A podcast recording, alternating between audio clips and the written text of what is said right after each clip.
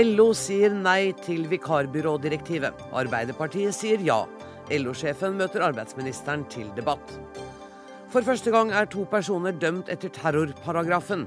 Et annet utfall ville vært pinlig for PST, mener VGs kommentator. Stadig flere utlendinger vil studere i Norge, for her er det fortsatt gratis. Vi kan ikke betale for å utdanne hele verdens ungdom, sier Kristelig Folkeparti.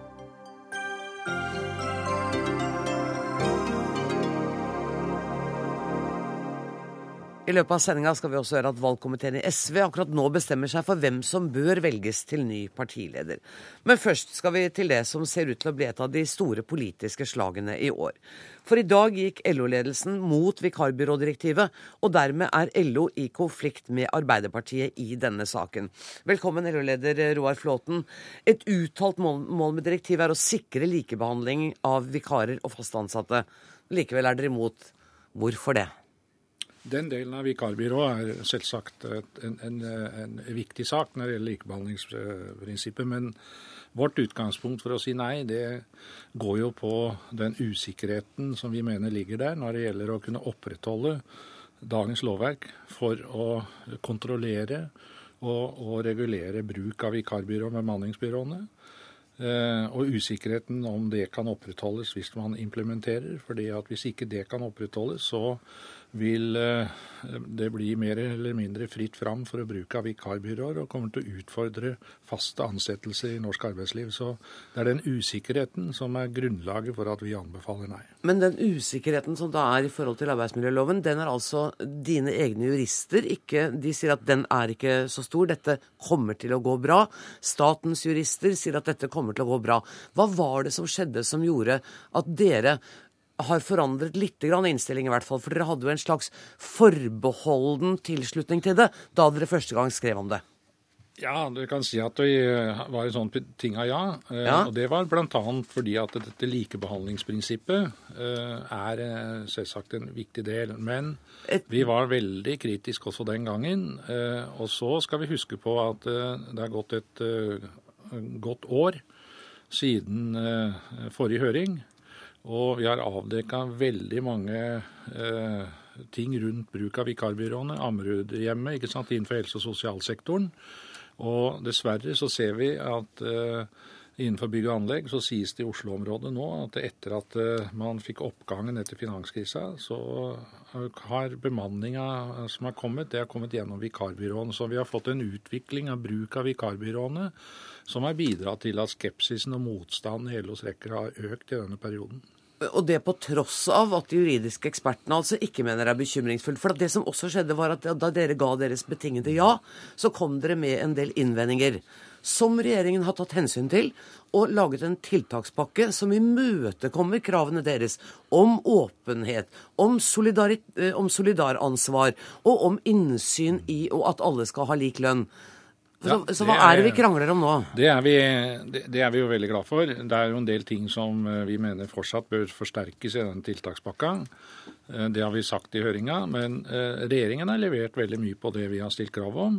Og jeg er ikke noe tvil om at målsetningen om at vi skal ha et regulert arbeidsliv, og også reguleringer av vikarbyråer og bemanningsbyråene, ja, det er ikke der vi er uenige.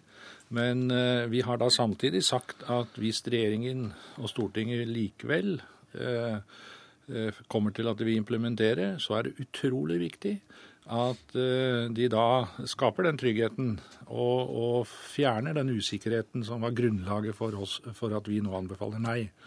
Og, og Det er jo det som Det er jo bare regjeringa som kan legge til rette for det, da. Arbeidsminister Hanne Bjurstrøm, var du overrasket over at et uh, forbeholdent ja ble til et uh, tydelig nei fra LOs side? Altså Først og fremst så har vi fått en høringsuttalelse fra LO i dag som i all hovedsak slutter opp om den tiltakspakken for å trygge de faste stillingene i Norge. Den pakken støtter LO, og det er jeg veldig glad for, fordi vi har felles mål. Men er det ikke da litt rart at de sier nei? Nei, men Jeg har lyst til å si, jeg ser at det har vært en utvikling i deler av norsk arbeidsliv som vi ikke skal ha, og jeg forstår at man kan være bekymret for deler av den vikarbruken og deler av den måten man får arbeidskraft fra utlandet på, og behandler den veldig dårlig og gir helt andre lønns- og arbeidsbetingelser. Men der vi eh, har et litt ulikt syn, det er på hvorvidt vikarbyrådirektivet vil være bra når det gjelder å få den likebehandlingen. Så tror jeg vi faktisk også er enige om at den likebehandlingen får vi gjennom direktivet. Men det eh, jeg hører at LO er bekymret for, det er om vi kan opprettholde våre, eh, våre bestemmelser som begrenser bruk av vikar. Det er en helt grunnleggende forutsetning for meg at vi kan.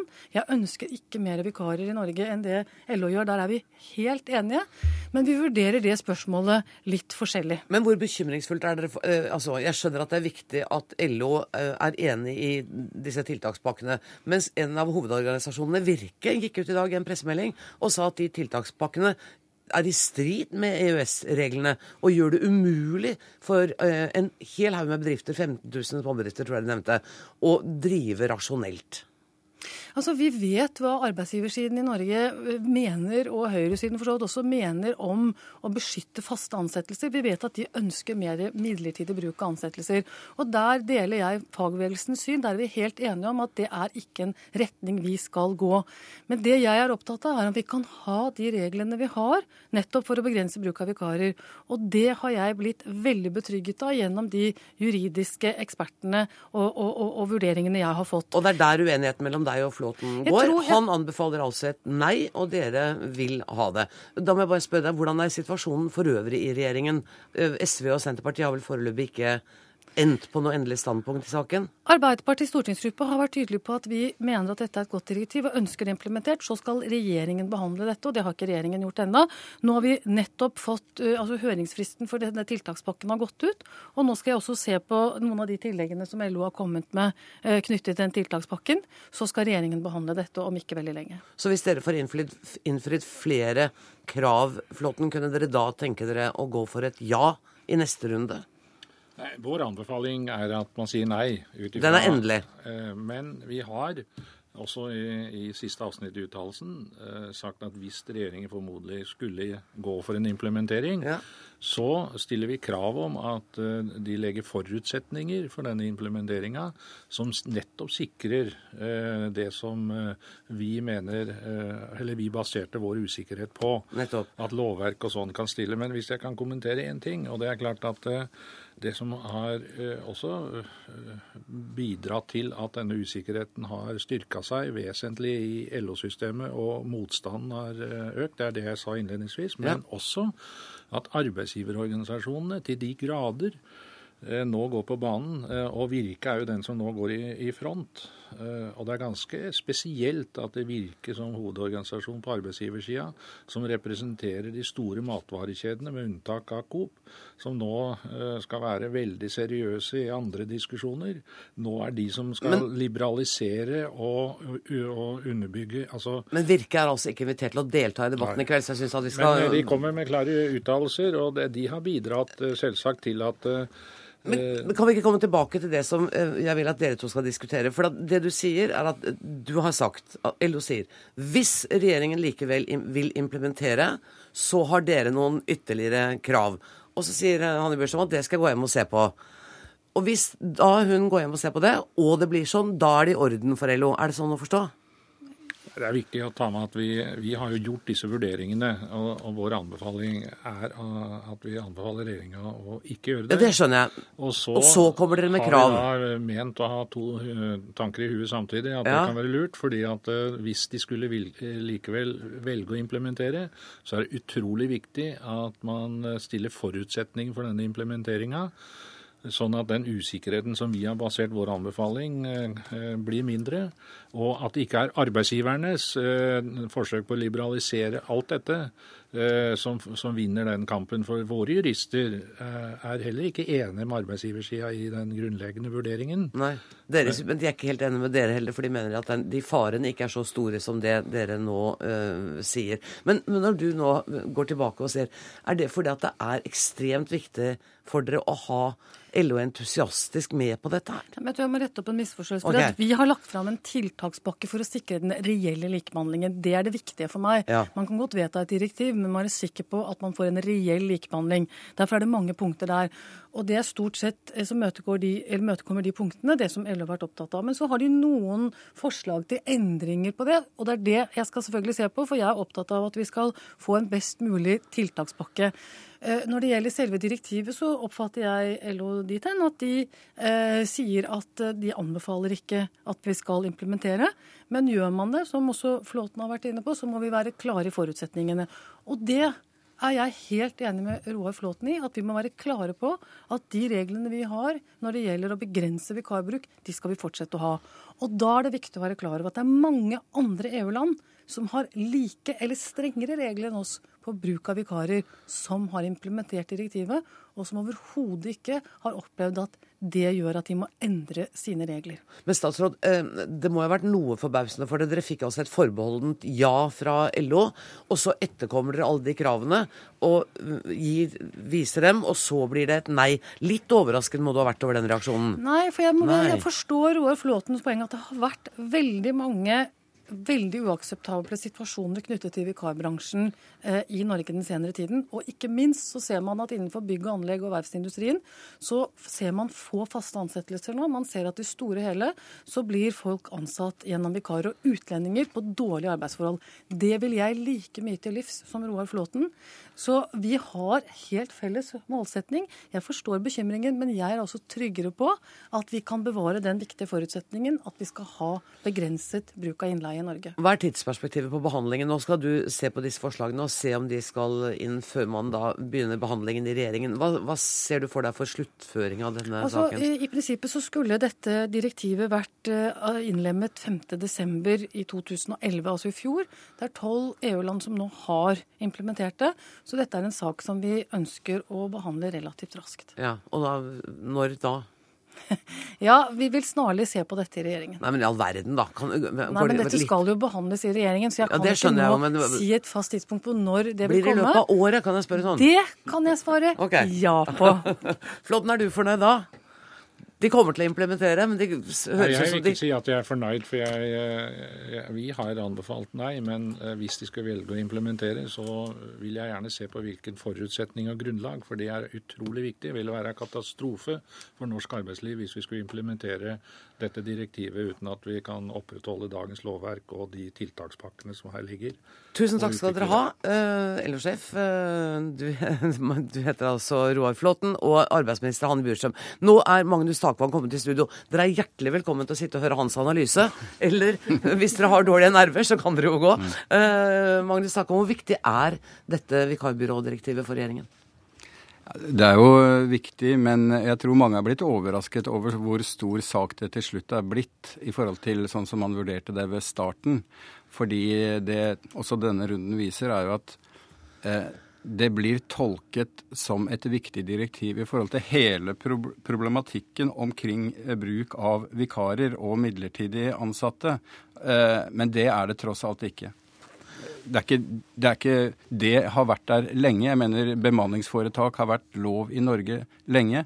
Slik at uh, man blander ofte litt kortene, syns jeg, i forhold til hva, det, hva, som er relevant i forhold til direktivet. Men, men disse skandalene som vi har hatt, Adecco-skandalen og sånt, blir jo nå også brukt som et argument uh, mot uh, dette direktivet. Mm.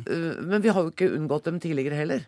Det er klart det er omfattende brudd på arbeidsmiljølovens bestemmelser om bruk av bemanningsforetak som er avdekket. Og det er klart at det bidrar til å øke skepsisen mot alt som går inn for å regulere dette. Altså at man har liten tiltro til lovgivningen på dette området.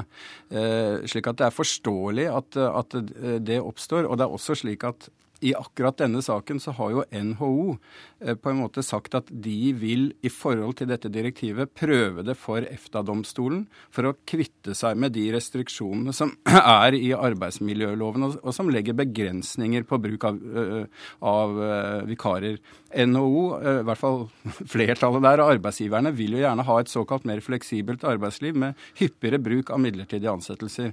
Og da er det klart at da tenner det veldig mange i LO, som på en måte får en dobbel kamp da også mot arbeidsgiverne, og ikke bare mot eh, EU og direktivet her. Og EFTA-domstolen ville jo ikke være mulig å forutsi hva den ville komme til heller, for resultat?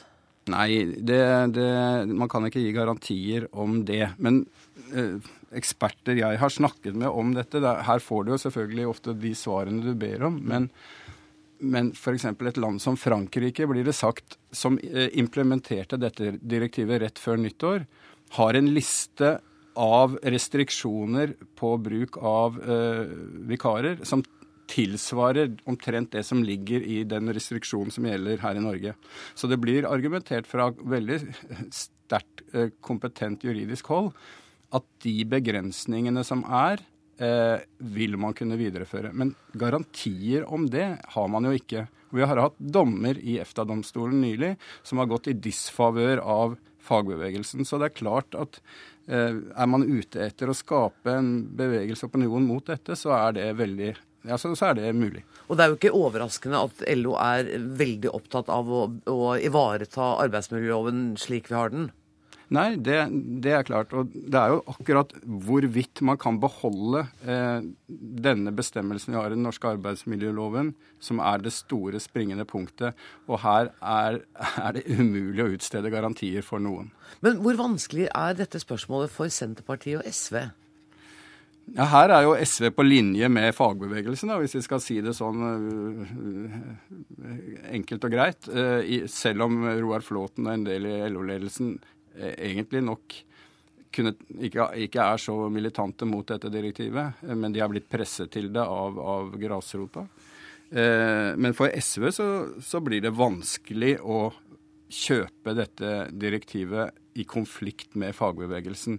Eh, hva Senterpartiet gjør, er, er, mer usikkert. De har ikke engasjert seg så sterkt mot dette. Men det kan bli noen livlige runder i regjeringen? Vel, jeg tror de leser Altså internt i regjeringen så, så, så, tror jeg de på en måte leser terrenget. Men uh, utad uh, så, så, vil det jo altså, Når LO som kollektiv går imot dette, og regjeringen kommer til å uh, gå inn for direktivet, så er det klart at de som føler de har vunnet en seier her, vil bruke det etterpå. For alt det er verdt. Det var veldig bra at dere ble sittende. Tusen takk til Roar Flåten og Hanne Bjørsem en gang til, og til kommentator Magnus Takvam.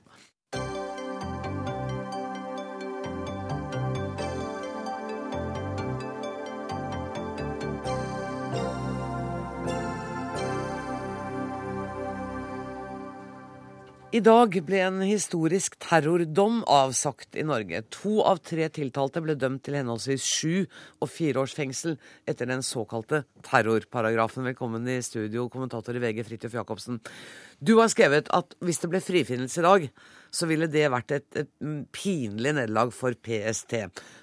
Kan man da tolke det motsatt, at uh, dagens uh, dom er en seier for PST? Ja, man kan vel det, da. Hvis, skal, hvis det ene var et nederlag.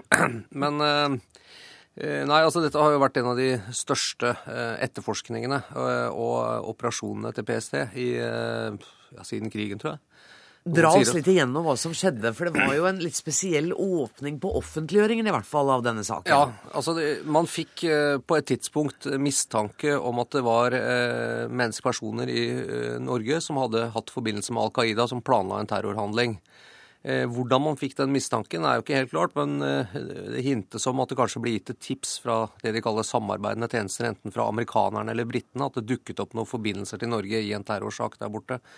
Eh, så begynte man en veldig omfattende spaning, eh, etter hvert også en omfattende etterforskning som skulle lede fram til en rettssak med så å si alt PST hadde både av metoder eh, og ressurser. altså Dvs. Si kontroll og avlytting av rom, av biler, spaning 24 timer i døgnet, en enorm innsankning av e-poster og alt som var på datamaskiner, antageligvis fotfølging i utlandet reiseting og en masse samarbeid med andre tjenester. Og det var det eh, som da endte opp i en pågripelse i juli 2010. Litt, eh, kan man si, sånn prematurt fordi man eh, fryktet at eh, saken ville bli offentliggjort av det amerikanske nyhetsbyrået Associated Press.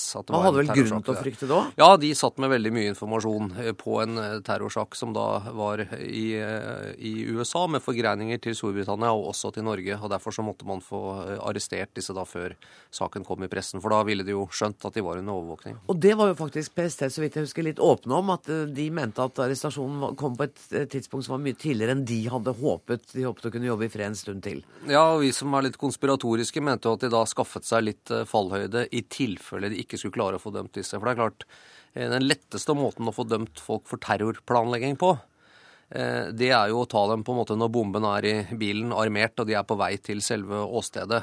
Man vil jo helst vente så lenge man kan, altså ikke så lenge at det kan bli farlig hvis man mister dem av syne noen minutter, men så lenge man kan for å ta dem mest mulig hva skal man si, rykende revolver. da.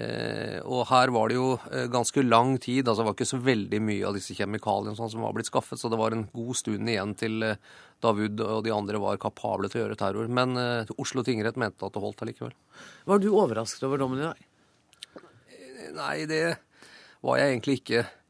Eh, en av dem, altså Det var tre tiltalte, og en av dem ble ikke dømt etter denne paragrafen. Nei, altså Den hovedtiltalte, Davud, eh, altså han som bodde i denne leiligheten på Ullevål sykehus og var hovedmannen, han ble jo dømt for terrorforbund både med Al Qaida at han hadde vært eh, i Pakistan, eh, mener retten, og blitt lært opp i å lage bomber av folk som hadde tilknytning til Al Qaida. Hadde hatt e-postutveksling med dem, også forbund der for en terroraksjon. Og så ble han også dømt for et terrorforbund med han tiltalte som heter Bujak, om at de to sammen hadde planlagt en terrorhandling. Eh, akkurat om det var da et angrep på den kinesiske ambassaden eller sånne ting. Eller Jyllandsposten. Ja, det, er ikke, det er ikke så viktig, men retten, retten sa at det er egentlig ikke så viktig om de var enige akkurat om hva de skulle gjøre. Det holdt at de var enige om at de skulle utføre en terrorhandling. Retten mente også at det var Jyllandsposten som var målet.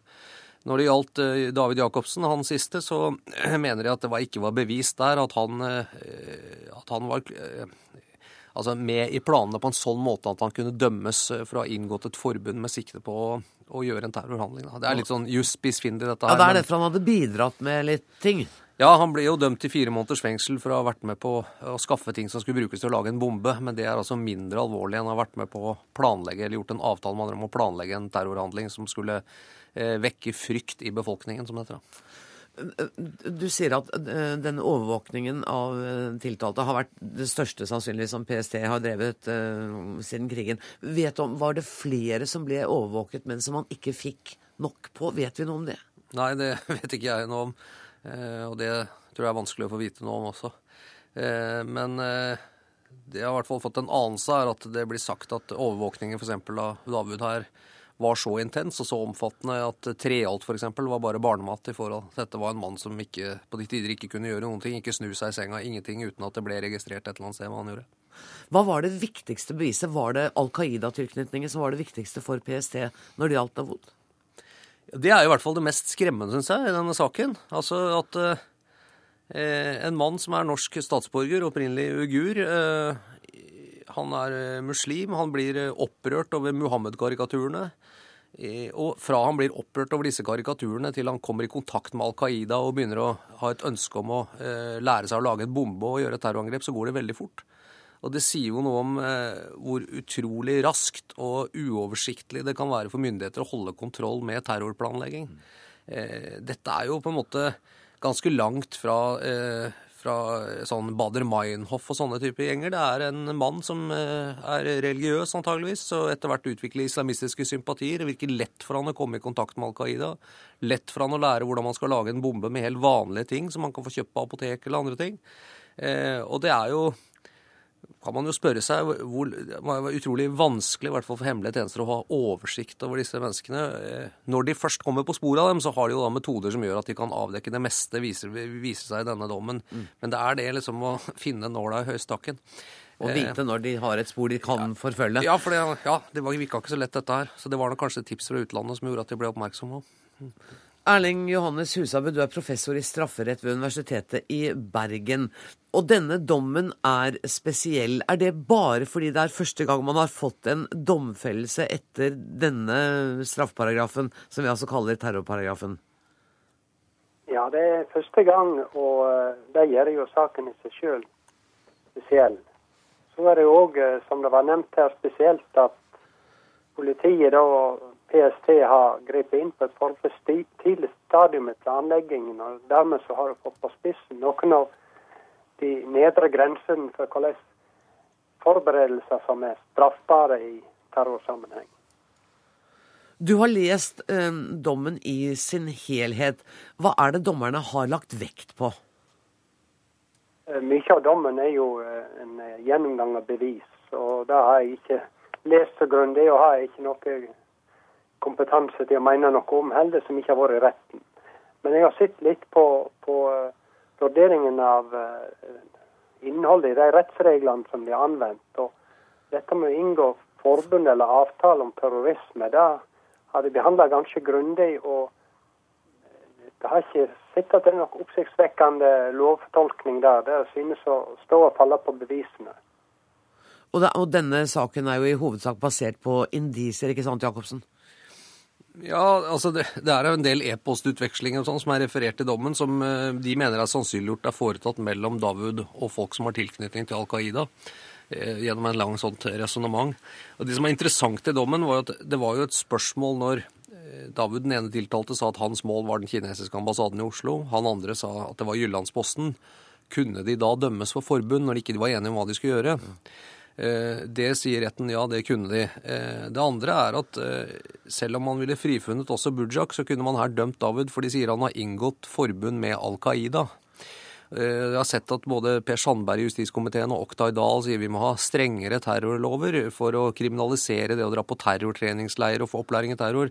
Slik som jeg leser denne dommen, så kan man dømmes for terrorforberedelser bare det ved å ha fått opplæring og ha kontakt med Al Qaida. Så jeg skjønner ikke, jeg lurer litt på om Sandberg og Oktay de har satt seg ordentlig inn i den dommen. Eh, men det har jo vært et spørsmål her om terrorlovgivningen i Norge er sånn at det er mulig å få noen dømt for planlegging av terror i det hele tatt. Eh, det syns jeg jo dommen i dag har vist, at lovverket gir mulighet til det. Jeg mener i hvert fall Oslo tingrett. Får vi ja. se hva som skjer. Og, og, denne, Det er altså førsteinstans, og, og vi har hørt at en av advokatene allerede sier at han vil anbefale klientene sine å anke. Men uh, Husabø, hvis uh, denne dommen eller en tilsvarende dom skulle bli stående, vil det få noen konsekvenser for framtidige saker av denne typen? Særlig hvis det det skulle bli avgjort i lagmannsretten eller Høyesterett, så kan det få en god del å si for hver grense den går. Men jeg vil legge til her at eh, når det gjelder straffeloven 161 om å skaffe særlig utstyr for å tilvirke sprengstoff, så er det veldig lite drøfta i dommen at i flasker med, med, med noen kjemikalier eller sånt kan regnes som særlig utstyr for å lage sprengstoff. Så der, der er det en, et etter mitt syn et svakt punkt i dommen. Okay. Og generelt til, til spørsmålet om vi har tilstrekkelig kriminalisering av forberedende handlinger, så hører jeg også med at dersom vi vet at de skal hjelpe til med noen med en terrorhandling, f.eks. ved å skaffe kjemikalier, og ikke sjøl skal delta videre, ja, så kan det straffes som forsøk på medvirkning til terrorisme, og strafferamma er nesten 21 år.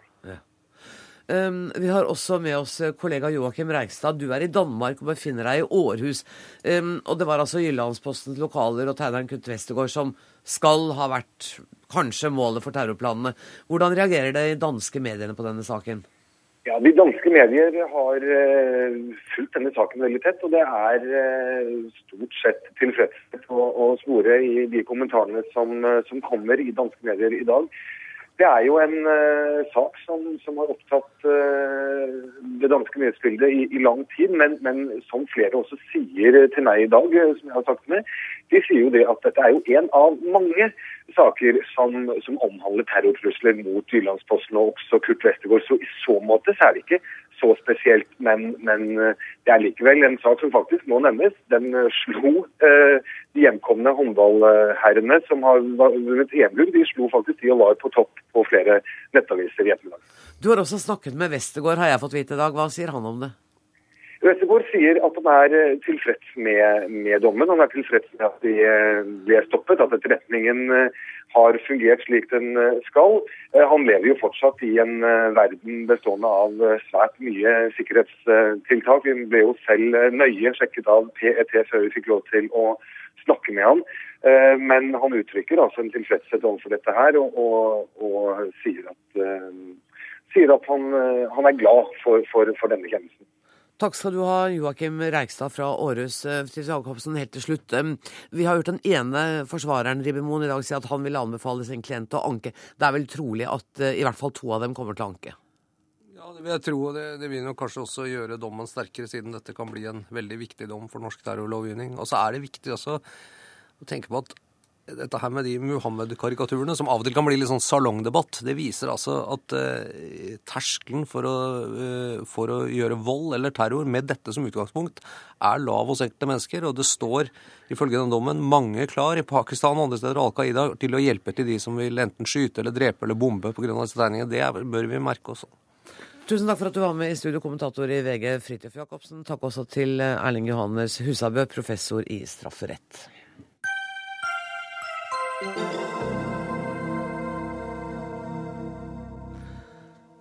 Antallet utenlandske studenter som søker seg til Norge, har økt med 50% på to år.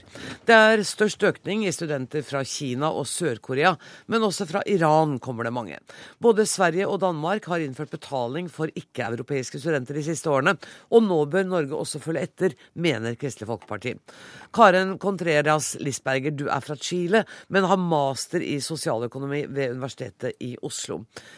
Hvor viktig er det for internasjonale studenter at det er gratis å studere i Norge? Det kan være viktig pga. Uh, de får en sjanse når de er ikke rike til å studere i et annet land, uh, for å ha en, en utdannelse av høy kvalitet. Men jeg tror det er ikke den eneste grunnen en student har for å komme til Norge. Jeg tror at du faktisk være spesielt interessert for å komme til dette landet. For, det, for du er en flink student, og du vet at du du vet hvordan er eh, levekostnader i Norge, og det er utrolig dyrt å mm. leve i dette landet. Mm. Og dere får ikke studielån? Du får ikke studielån. Og så må dere også ha en sum penger? Ja, du må ha tilsvarende eh, sum penger som er, som er støtte til eh, norske studentene fra Lånekassa. Og det tilsvarer til 90 800 norske kroner på konto. Må det stå på kontoen når du begynner, eller må det være der hele tiden? Eh, du må bevise at du har det på kontoen der hver eneste år. Hver gang du søker eh, eh oppholdstillatelse hos UDI.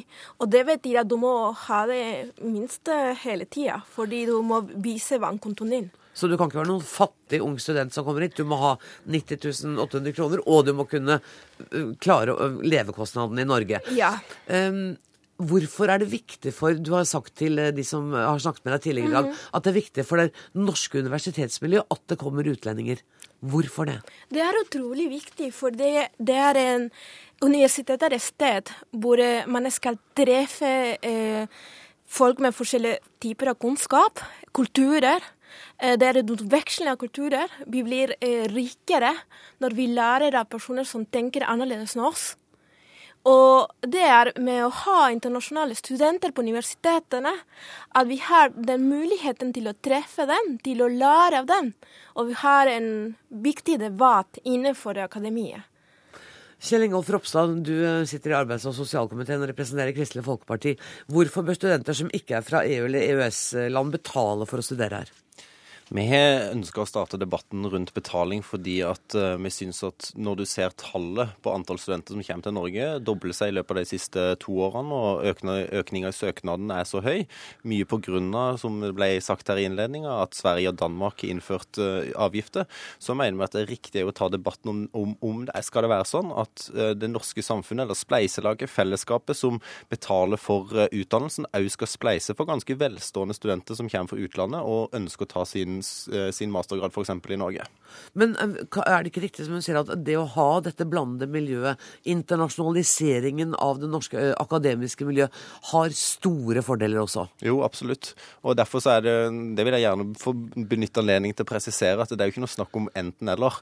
Det, det, som er tilfellet, er jo at f.eks. de som kommer på stipender i de fattige landene, det ønsker vi å opprettholde. Eller de som er inne på ulike utvekslingsprogram, ønsker vi òg. I tillegg så vet vi jo at de som er fra EU eller EØS, de får jo lov til å komme her og studere gratis uansett. Det, det er ikke de det er snakk om. så det, det, er mer de landene som er utenfor der, det er tredjelands. Og, og derfor, for eksempel Chile. For eksempel Chile. Og derfor så er jo debatten mer på er det riktig når de andre landene setter en avgift, og vi ser at økningen kommer så enormt til Norge, er det riktig da at Norge til å betale kostnadene? Og det, det, vi sa i 2010 eh, for budsjettet i 2011, det var at det ikke var det.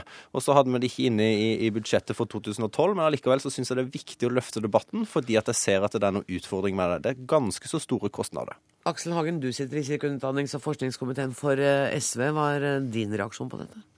Jeg syns det er så fint at eh, vi nå er i ferd med å få mange studenter fra land utafor oss inn på universitet og høgskoler. Men det mener jo Kristelig Folkeparti òg. Ja, og jeg tror KrF er i ferd med å skifte mening. Ja. Altså, KrF hadde det ikke framme i siste budsjettforslaget sitt. Jeg tror KrF òg ser at ikke minst å få studenter fra verden utafor EU og EØS er særlig interessant for oss inn i, i institusjonene våre. Hvorfor var det, det ikke siste budsjettforslaget? Glemte dere det, eller? Eh, nei, men, men, det var nok ulike beregninger. For dette. Når vi la det inn for 2011, så sparte vi opp mot 700 millioner, og, og vi la inn 350 millioner i kostnaden, Men da dekker du alle studentene. Og ja. Derfor så er nok òg Finansdepartementet, og når Kunnskapsdepartementet så på det neste gang, så mente de det ikke var like mye å spare inn. Men, men jeg tror nok òg litt av, av, grunnen var det at vi ønsker ikke å ta den debatten, fordi at bl.a. SV så en, en, en, tvil om hele gratisprinsippet. Og det er derfor jeg vil prøve å presisere at det jeg mener vi bør ta en reell debatt på, er om det er er velstående studenter som, som, har ganske så god råd for å komme her og studere. Hvis de skal velge USA, så koster det kanskje 200 000 for et vanlig studium, som de kan få gratis i Norge. Og hvis vi ikke klarer å få dem eh, til å bli i Norge etter endt utdannelse, så er det ganske kostbart for Norge. Men vi snakker om de som du vil betale, er de velstående studentene utenfor EU og EØS? Ja, altså f.eks. Danmark er jo en ordning der de har eh, at du betaler en egenandel på mellom 6 og tror det er 16 000 euro. Og det er klart at det vil jo være en billigere utdannelse det enn det er f.eks. er i USA. Så, så det er jo et poeng, Hagen. Jo, men La oss lytte til studenter sjøl, og la oss lytte til, nei, til institusjonsledelsen rundt omkring på høgskole og universitet. Samtlige jeg prater pratet med, og jeg har pratet med mange, de er så glade for nettopp å få det innslaget med eh, studenter utenfra. Det beriker miljøet vårt på en så god måte, og det er så viktig for en liten språknasjon som Norge at vi nettopp har så stort innslag av studenter. Ja, Det skjønner jeg, men, men å si Kristelig Folkeparti vil komme uansett. De vil komme også om de må betale litt. Det vil, det vil være nedgang, og det er riktig, men det vil komme mange uansett. Ja, men Åssen eh, vet vi det? Vi vet jo at når det ble innført i, i Danmark, så, så, sank jo tallet dramatisk. Og det er så kostbart å, å studere i Norge allikevel, så vi prater ikke på at det er gratis å studere i Norge. Det er med høye levekostnader. Så slik sett så vil ikke verden strømme innover oss med for mange studenter. Karen Contreras Lisberger, du sitter og rister på hodet når du hører at vi vil komme allikevel. Ja, jeg rister på hodet. Og det er på grunn av at eh, det er utrolig dyrt å studere i Norge. Og Norge blir mindre attraktiv for internasjonale studenter hvis du har eh, skolepenger i landet. Eh, selvfølgelig, eh, Norske universitetene ligger ikke så høyt i den internasjonale ranken for at folk skal, måtte, når de måtte velge å investere i en femårsutdanning, og å gå til Norge eller til England. Eh, nå snakker vi om landene utenfor EU og EØS. Eh, hva med Latin-Amerika? Eh, hva med Brasil, hva med Chile, eh, hva med Afrika og Asia? De må betale. De må betale. Og det er de landene for eksempel, som Kristen Folkelig Parti, eh, som står for internasjonal solidaritet, det er de landene som man skal være solidarisk med, man skal eh, ha kontakt med, og man skal gjøre berikelig det norske samfunnet. Gjør vi berikelig Her tror jeg kanskje det er en liten kime til misforståelse. Du kan få oppklare den. Ja, og, og, og, den internasjonale solidariteten vil fremdeles være der. Men det, det som jeg syns kanskje er viktigst å påpeke, er at gjennom den forslaget som vi hadde, så vil det uansett komme mange stipenter som vil få, få en gratis utdannelse, vil få stipender, vil være på utvekslingsprogram. Men programleder, det er jo en viktig opplysning som må komme. og det er at det, det, er jo, det er jo ingenting som er gratis. altså Det koster ikke enormt mye. Og når spørsmålet egentlig gjenger på oss, hvem er det vi trenger til, til å komme til Norge, jo det er f.eks. ingeniører, det er realfag. Men da må du jo styrke utdannelse seg sjøl, for flere til å ta realfag. For det som skjer gjennom denne ordninga, er jo at det er universitetene sjøl som kan velge hvilke studenter de vil få inn. Og universitetene får jo støtte fra staten gjennom at de får flere elever. Så det er ikke dermed sagt at de som kommer til Norge, er de vi trenger. Og Derfor så bør debatten ha litt bredere perspektiv, bare om, om en skal gi de samme velferdsordningene som alle andre har i Norge, til resten av verden. Det er jo det er en poeng, kjekk ting å gjøre. Nå begynner du å blande inn en annen problemstilling her. Det som er vårt utgangspunkt, er at nettopp studiene våre, våre akademiske miljøer, er veldig tjent med å både få studenter som har med seg andre perspektiver, inn i, i studiemiljøet. At vi òg gjennom får ansatte som kommer fra utlandet for nettopp å gjøre vårt akademiske miljø rikere, og dermed forberede alle studenter bærer på å gå ut og virke i en, en, verden som blir mer og mer internasjonal. Men, men det sier jo da Ropstad at han er helt enig, men han bare vil at studentene skal betale litt hvis de ikke kommer fra ja, EU. Ja, dermed så kommer det langt færre studenter, så det går ikke an å være liksom fullt og helt enig i det. Vi får flere studenter utenfra med vårt opplegg enn med KrF sitt opplegg, der folk må betale. Ja, det vet vi jo. Men, men, hvis du ser to år tilbake, så var det 16 000 000 som søkte. I, i, i, dag, eller I år så var det 25 000. Og, og det, Hvis den økningen der fortsetter de neste årene pga. at folk velger Norge fremfor de andre skandinaviske landene, så vil du jo få et ekstremt høyt antall. Og, og Formålet må ikke være at resten av verden skal få gratis utdanning i Norge. Nei, men Nå tror jeg du kanskje kan... refererer til tallet totalt for utenlandssøkende Nei. studenter. For, jo, fordi at tallet for de som var utenfor EU og EØS, gikk bitte litt ned faktisk i fjor. Det er en eh, lett eh, misforståelse å gjøre, for det var ikke helt tydelig i artikkelen. Ja, så, så, du er tilgitt av programleder for det. Takk for det. Men du, jeg må spørre deg, Karin Katreras Lisberger. Eh, du tenkt, tenker du å bli i Norge når du er ferdig med din akademiske utdannelse? Det henger eh, litt hvis jeg får en jobb som jeg syns er interessant. Eh, jeg er veldig sosialt engasjert. Og hvis jeg har noe å bidra til det norske samfunnet, vil jeg være her. Ellers vil jeg være i et sted hvor jeg kan bidra til. Tusen takk for at dere kom i studio, Karen Contreras Lisberger, Kjell Ingolf Ropstad fra Kristelig Folkeparti og Aksel Hagen fra SV. Dagsnytt 18 alle hverdager klokka 18.03 på NRK P2.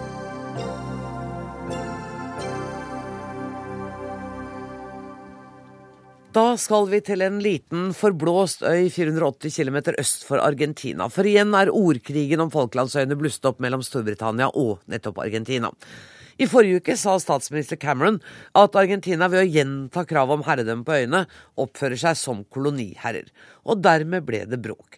Nå er det klart at britiske prins William skal tjenestegjøre som helikopterpilot på en militærbase på øygruppa. Og Gry Blekastad Almås, du er NRKs korrespondent til Storbritannia. Og du befinner deg jo fortsatt på britisk jord, da, men er altså i Stanley, i det største tettstedet på Falklandsøyene. Hva tenker innbyggerne om denne ordkrigen som nå foregår?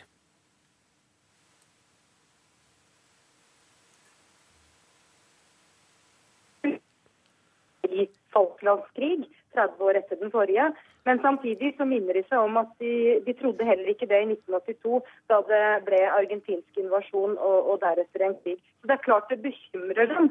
Samtidig så er det gammelt nytt for dem at argentinerne gjør krav på Falklandsøyene, eller Las Malvinas som, som de kaller den. Eh, så dette er de på en måte vant med. Det er stor britisk militær tilstedeværelse på øya. Er det sånn som du merker og ser overalt?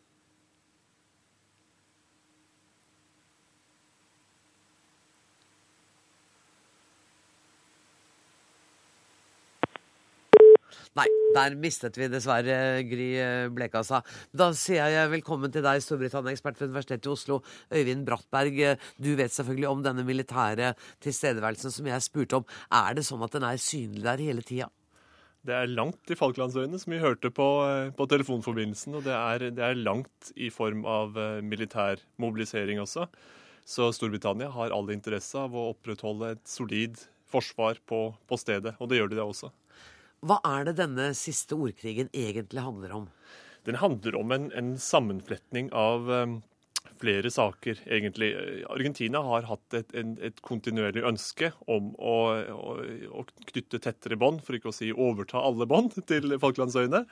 Og dette har blitt eh, ekstra aktuelt eh, de siste to årene i forbindelse med ny altså leting etter olje. Mener at man påviser naturressurser som kan gi nye inntekter behov for, eh, på hjemmebane for å vekke til liv nasjonal prestisje. Flere ulike hensyn som spiller inn. Og så er det et bakteppe av en større latinamerikansk selvbevissthet, som jeg tror man ikke skal undervurdere i det, i det hele tatt. At man har et, et, en agenda hvor man fremmer sitt eget kontinents interesser, og anser Europa som noe med synkende innflytelse og synkende prestisje.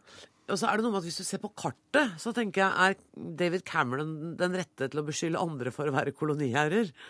Det er han muligens ikke, men, men Falklandsøyene er ikke noen tradisjonell koloni for britenes del. Det var ikke slik at de ankom her og, og eh, ryddet av veien Eh, sivilbefolkningen, holdt jeg på å si. Men hvordan var det, da? Det var en, en, serie ulike oppdagere som passerte forbi. En franskmann som satte igjen noen, eh, noen varer. En eh, briter som var innom. Til, til, syvende og sist så ble det britene som tok ansvar, eller overherredømme over øya, fra tidlig 1830-årene. Og det har liksom satt standarden siden. Og det er ikke noen, som sagt ikke noen tradisjonell koloni, slik som svært mange andre britiske kolonier har vært. Det er mer en en settler altså Øyer hvor man har slått seg ned, kontrollerer ressursene. Og de føler seg som briter. Nå har vi visst kontakt med Gry Blekastad igjen. Uh, Gry Blekastad, uh, hva, sier, uh, hva sier lokalbefolkningen til den ordkrigen som foregår? Nei, altså her uh, føler folk seg britiske, og de støtter veldig den, uh, den holdningen David Cameron har tatt inn, uh, hvor han altså går løs på argentinerne og sier at det overhodet ikke er aktuelt å, å diskutere råderetten over øygruppen videre. Det er ingen av de vi har snakket med her som ser noe fornuft i kravene fra, Argentina overhodet.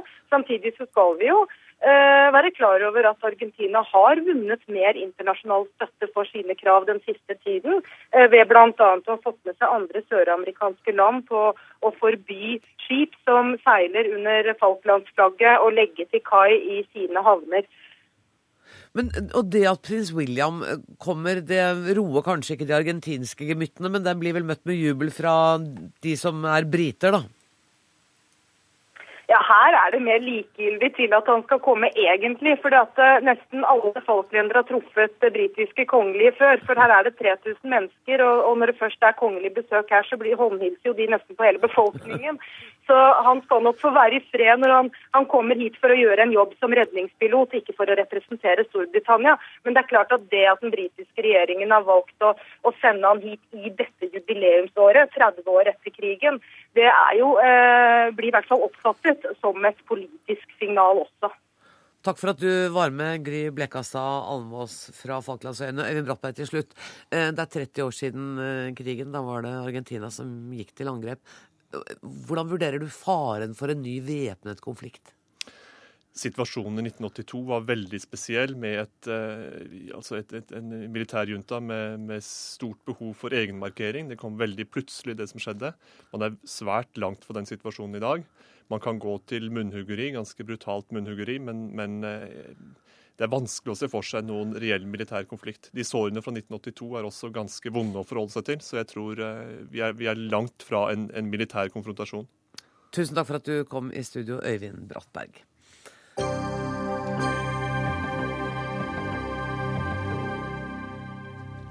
Som vi alle vet, så skal altså Kristin Halvorsen gå av som eh, SV-leder og kampen mellom Audun Lysbakken og Heikki Holmås, om ledervervet, den har bl.a. ført til at de i høst dro på debatturné over hele landet.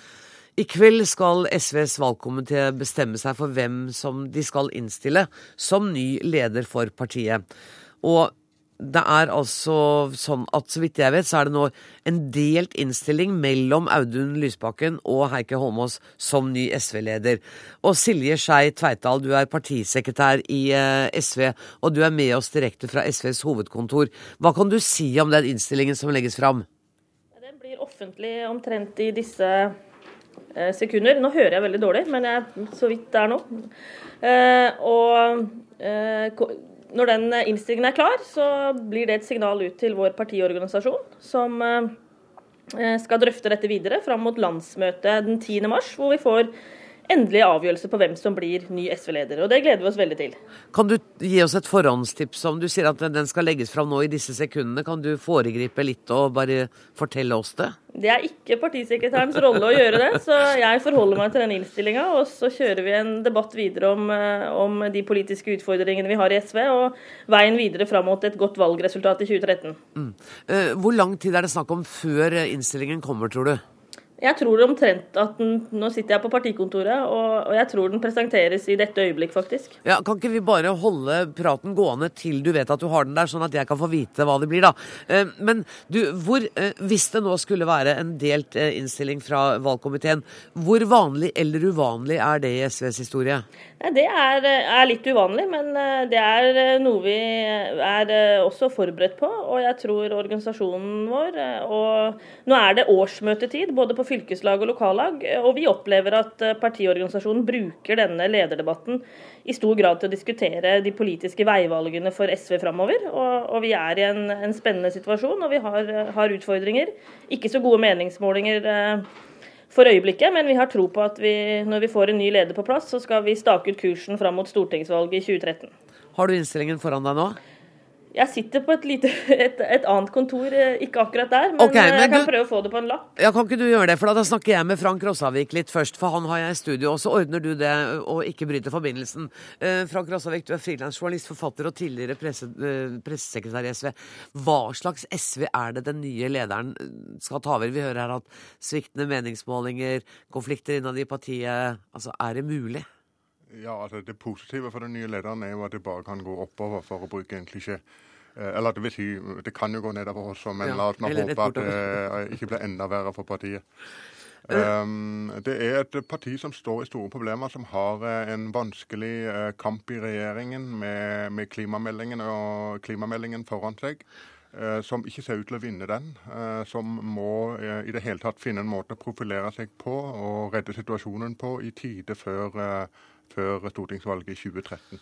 Jeg skal eh, snakke litt mer med deg, men nå har eh, Silje Skei Tveitalt fått fatt i innstillingen. Kan du fortelle oss hva den går ut på? Eh, det er en innstilling som jeg bare fikk på en lapp inn her nå, hvor det er seks medlemmer av valgkomiteen som er innstilt på Audun Lysbakken som ny leder, og to som er innstilt på Heikki Holmås. Tusen takk for at du var med i Dagsnytt 18, Silje Skei Tveital. Og da, Rassavik, det er altså ikke helt vanlig at en innstilling er delt. Er du overrasket?